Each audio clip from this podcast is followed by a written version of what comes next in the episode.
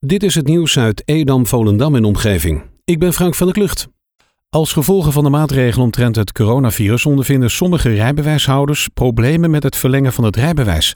Daarom worden rijbewijzen die tussen 1 februari en 1 december dit jaar verlopen met 9 maanden administratief verlengd. Deze verlenging is gebaseerd op de recente Europese en nationale regelgeving. Om uitvoeringstechnische redenen zal deze verlenging niet worden geregistreerd in het Centraal Rijbewijsregister. Omdat de geldigheid van het rijbewijs is verlengd, is het in die verlengde periode ook nog te gebruiken als identiteitsbewijs, ook al is de verloopdatum overschreden. Dinsdagmiddag is een 12-jarige jongen in Purmerend door drie jongens van zijn fiets getrapt en in zijn gezicht geslagen. Daarna ging een van de daders er met zijn fiets vandoor. Alle drie de jongens waren ongeveer 15 à 16 jaar oud. Degene die er met de fiets vandoor ging was blank, had bruin-blond haar en droeg een felgele, dikke winterjas met capuchon. Van de twee die het slachtoffer in het gezicht stompte, was er één blank en hij droeg een donkerblauw vest. De andere was lichtgetint en droeg een zwarte hoodie. Als je iets gezien hebt, kan je bellen met 0900 8844 of anoniem 0800 7000. De buurtbussen Waterland, Beemster en Zeevang rijden vanaf deze week weer volgens de dienstregeling. Vanaf de uitbraak van de coronacrisis stonden deze bussen stil.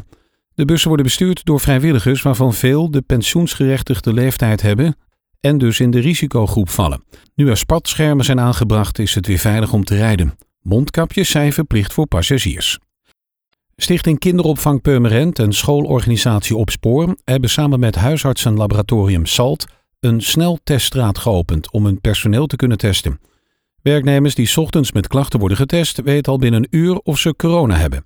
De teststraat is sinds afgelopen vrijdag open en middels kan er elke vijf minuten iemand getest worden. Het personeel kan zich elke ochtend laten testen. De sneltesten worden uitgevoerd door het huisartsenlaboratorium.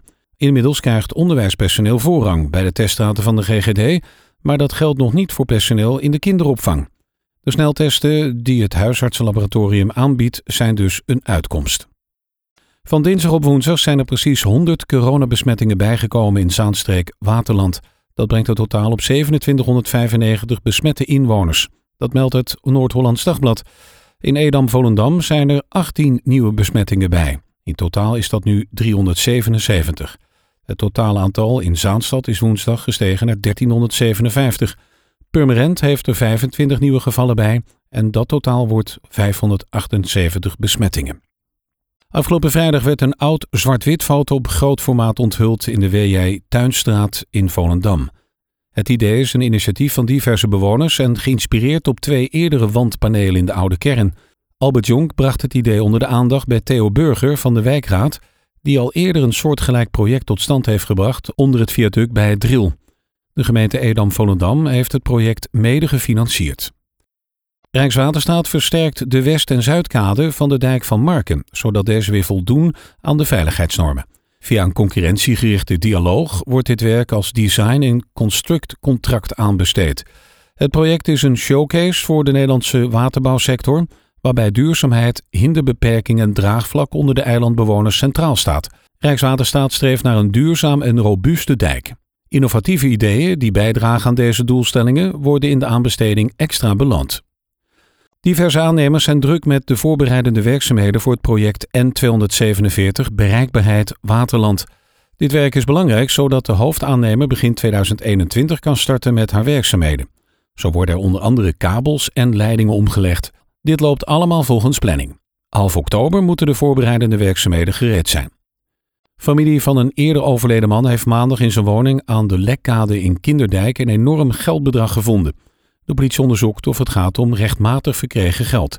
Vrijdag 2 oktober werd de politie gealarmeerd door vrienden van een 66-jarige man uit Kinderdijk dat zij hem al enige tijd niet meer hadden gezien. Ze kregen hem ook niet te pakken en thuis werd niet opengedaan. Agenten namen polshoogte bij de man en trof hem overleden aan. Onderzoek wijst uit dat het gaat om een natuurlijk overlijden. Tot zover het nieuws uit Edam, Volendam en omgeving. Meer lokaal nieuws vindt u op de Love Kabelkrant, onze website of in de app.